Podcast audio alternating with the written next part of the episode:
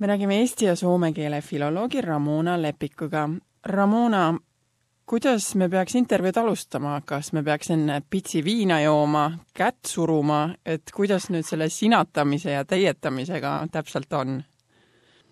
no mina eelistan eelkõige sinatamist, et võime kohe alustada sinatamisega. aga kuidas see suhtlus üldse algab, et ähm, ka minu töös, ma olen ajakirjanik, on päris palju sellist segadust, et kui ma hakkan kellegagi vestlema, siis kuidas ma tean, et ma tohin neid sinatada või teietada ja kuidas ma selle loa saan?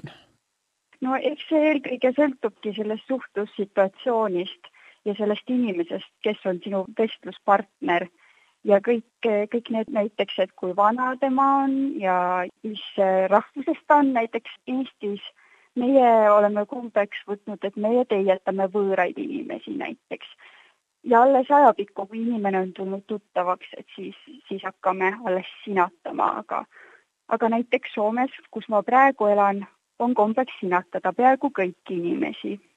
et see kõik sõltub sellest, et mis on sinu ümbrus, kellega sa räägid ja erinevad taustategurid siis.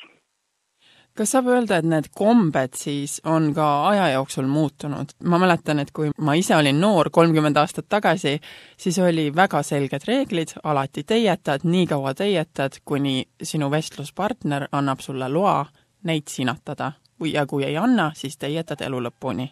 et kas see on ühiskonnas kuidagi ka muutunud? kui me räägime Eesti ühiskonnast, siis kindlasti on vabamaks muutunud see pöördumisvormide kasutamine, et kas sinatatakse või teietatakse inimesi. kindlasti sellistes ametlikumas situatsioonides, näiteks klienditeeninduses, ikkagi kasutatakse teie vormi rohkem kui sina vormi. aga selline üldine õhustik on kindlasti muutunud vabamaks kas see võib siis olla ka tingitud ka täiesti üksikjuhtumist, et oleneb, kuidas inimene ise soovib, et võib-olla ta on väga sõbralik inimene ja otsustanud, et tema sinatab enamusi inimesi. kas ka seda võib ette tulla? jah, jah, muidugi võib tulla seda ette, aga, aga kõik ikkagi sõltub sellest vestluspartnerist ka, et natuke ettevaatlik tasub ka olla, et, et vahepeal võib olla selliseid olukordi, et vestluspartner ei soovi sinatamisele üle minna ja, ja võib siis kohe välja öelda seda, et minu kohta peaks ütlema teie ja sellised olukorrad tulevad just ette, kui näiteks äh, nooremad inimesed pöörduvad vanemate inimeste poole, et, et vanemad inimesed, nende poole pöördumine on selline väga keerukas teema, et alati see ei pruugi olla, aga kindlasti see, et kui, kui sõbralik inimene on ja ei saa öelda sõbralikkus, vaid vaid see, et kuidas tema enda olemus välja õhkub, et et kindlasti, kui uute inimestega tutvudes võib-olla vahepeal silmavaates saab aru, et temale ma võiksin öelda sina, et kõik sõltub sellest hetkeolukorrast, ma arvan nii. et tegemist on siiski sellise keerulise äraarvamise mänguga, kas mitte? just, just nii oled õigel teel. kuidas nende reeglitega on, et kas äh, näiteks eesti keele eest seisvad äh, organisatsioonid, institutsioonid, näiteks Eesti Keele Instituut, kas nemad ei võiks anda välja sellist reeglistikku, kõik teavad, et ei tekikski sellist segadust, et keegi on solvunud, et teda ei teietatud või keegi on solvunud, et teda ei sinatata näiteks? ei, kindlasti mitte, keel on, keel on kõikide inimeste vaba vahend kasutada ja igaüks peaks tundma ja kasutama keelt nii, nagu ta ise arvab heaks. ja ma ise ka ei poolda, et, et oleksid sellised kindlad reeglid. nagu ma ütlesin, siis kõik sõltub situatsioonist ja inimestest. või võib-olla see muudabki keele ja elu palju huvitavamaks. võib-olla ka natuke ärevamaks, oleneb, kuidas võtta. jah, aga miks mitte kõike saab ju ka tegelikult keelega lahendada, just nimelt küsida, et, et kas ma võin öelda teile sina. Ja kui ei tohi, siis lähme teie vormiga edasi, et mis parata, elu läheb edasi. Ja kui oleksid sellised ranged reeglid, siis äh, kindlasti see põhjustaks veel rohkem erinevaid äh, ärritunud seisukohti kui, kui praegusel hetkel. Et kas ma saan aru, et sina siis propageerid sellist vaba suhtlust, kus tõesti need äh, eriarvamused omavahel kohe siis selgeks tehakse selle suhtlemise käigus? Just nimelt.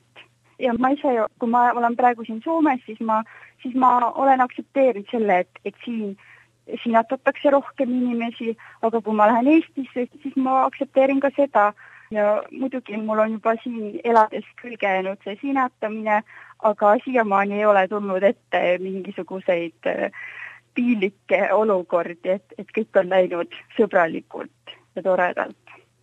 Kas sa tead rääkida, et kuna Soomes sinatamine nii suurel tasemel sisse tuli, et tõesti sinatatakse kõiki kõrgeid riigitöölisi ja absoluutselt kõiki?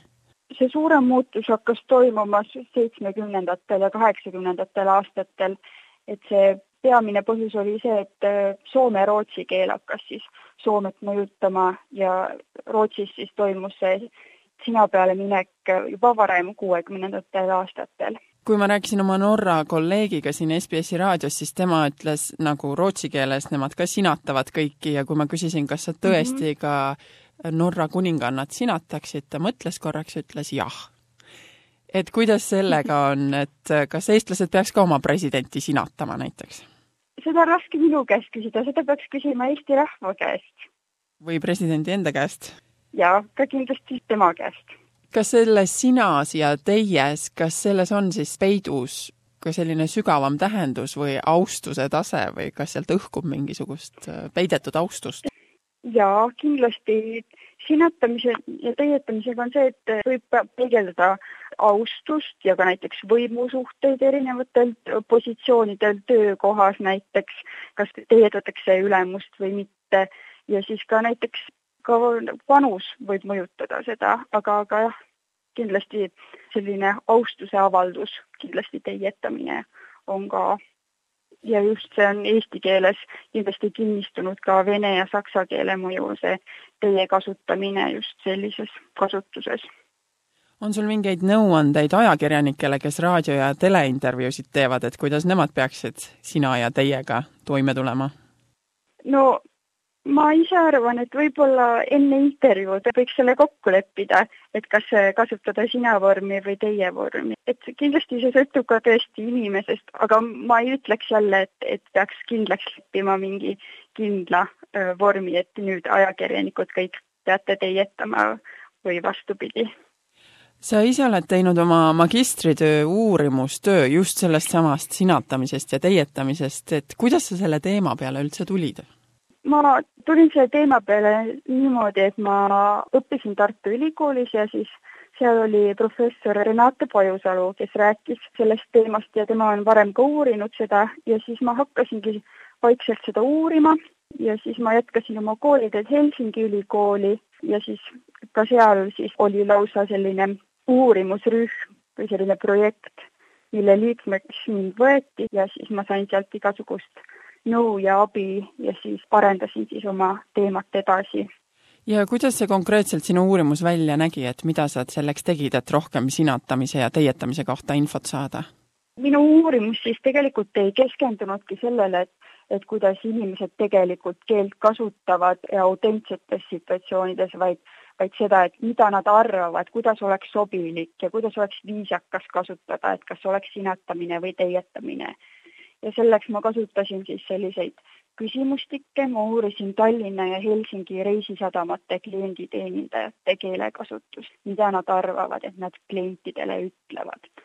ja selleks ma siis kasutasin erinevaid klientide selliseid hüpoteetiliste klientide pilte ja, ja küsimustikke. Ja siis seal olid sellised situatsioonid. Umbes niimoodi, et kliendipass on ka oma kehtivuse kaotanud, mida sa ütled talle ja siis nad panid kirja selle, mida nad ütleksid. ja siis ma uurisin sealt, et kui palju nad kasutavad sina vormi, kui palju nad kasutavad teie vormi ja võib-olla nad üldse ei kasuta neid vorme. situatsioonid olid väga erinevad, Tallinnas kasutasid klienditeenindajad läbivalt teie vormi või siis ei kasutanud üldse pöördumisvormi aga siis Helsingis klienditeenindajad kasutasid nii sina vormi kui ka teie vormi, siis sõltuvalt sellest, et kui vana klient on. ja siis oli huvitav näha ka seda, et Helsingis on palju ka eestlastest klienditeenindajaid ja ma lasin ka eestlastest klienditeenindajatel vastata nii eesti kui ka soome keeles. ja siis tuli välja, et, et nad soome keeles kasutavad sina vormi rohkem isegi kui soomlased ise. Et see oli üks selline suurem tähelepanek, et nad tõesti siis on selle sinatamise nii enda omaks võtnud ja kasutavad seda isegi rohkem kui soomlased. ja teine asi oli see, et nad siis kasutavad oma keelendites ka siis sina ja teie vorme segamini. näiteks ütlevadki, et proua, teie pass on vana, kas sul on midagi muud? et selline vastus oli ka ühes ankeedis. Mida selline vastus näitab uurija jaoks, keeleuurija jaoks? no see vastus näitab seda, et valimine sinatamise, teietamise vahel on tõesti väga keeruline, et kust maalt läheb see piir, et see proua on nüüd piisavalt vana, et ma ütleks talle teie või siis ma võiksin temaga vabalt kasutada ka sina vormi. et see on tõesti keeruline mida sellest välja lugeda, et kui osad klienditeenindajad lausa väldivad seda sinatamise, teietamise kasutamist, et lihtsalt üritavad mitte midagi öelda, lihtsalt kuidagi jutuga hakkama saada, ilma et nad peaks sina või teie ütlema? üks äh, põhjus on kindlasti see, et see valik sinatamise ja teietamise vahel on keeruline, aga teisalt see näitab ka seda, et alati ei olegi vaja kasutada sina või teie vormi. et lihtsalt ongi vastused näitasid ka, et klienditeeninduses keelendid on tavaliselt hästi napid. antakse mingi asi, pilet, öeldakse palun, ei ole vaja mitte midagi öelda, ei ole vaja kasutada sina vormi, teie vormi. et tihtipeale on põhjuseks ka lihtsalt selline lihtne asi, mitte, mitte see, et ainult proovitakse vältida. ja mida sa keeleteadlasena eesti keele tuleviku kohta oskad öelda siis just äh, sinatamise ja teietamise suhtes? No ma arvan, et eesti keeles kindlasti erinevad keeled mõjutavad järjest rohkem kui sotsiaalmeedia ja, ja üldse meedia ja maailm on muutunud nii väikseks, et, et kõik keeled mõjutavad üksteist, siis kindlasti on mõjutavad näiteks inglise keel ja nüüd ka soome keel, Soomes on väga palju eestlasi, et see sinatamine kindlasti, ma arvan, et levib rohkem, aga samas ka on märgata mingisugust sellist konservatiivsust just klienditeenindajate näiteks sellistes avatud vastustes, kus nad said ise kommenteerida, et mida nad ise arvavad pöördumisvormide kohta, siis nad ise ütlesid sõnasõnaliselt, et klienditeeninduses peaks teietama. et ma tõesti ei oska öelda, kuhu keel läheb, aga on näha erinevaid mõjutajaid ja erinevaid äh, muutusi, väikseid muutusi. pöördumisvormide uurimine on alles veel nii lapsekingades et äh, kindlasti oleks põnev, kui keegi uuriks veel rohkem Eesti pöördumisvorme, kas või võrdleks siis teiste keeltega. suur aitäh meile rääkimast sinatamisest ja teietamisest eesti keeles, Ramona Lepik, eesti ja soome keele filoloog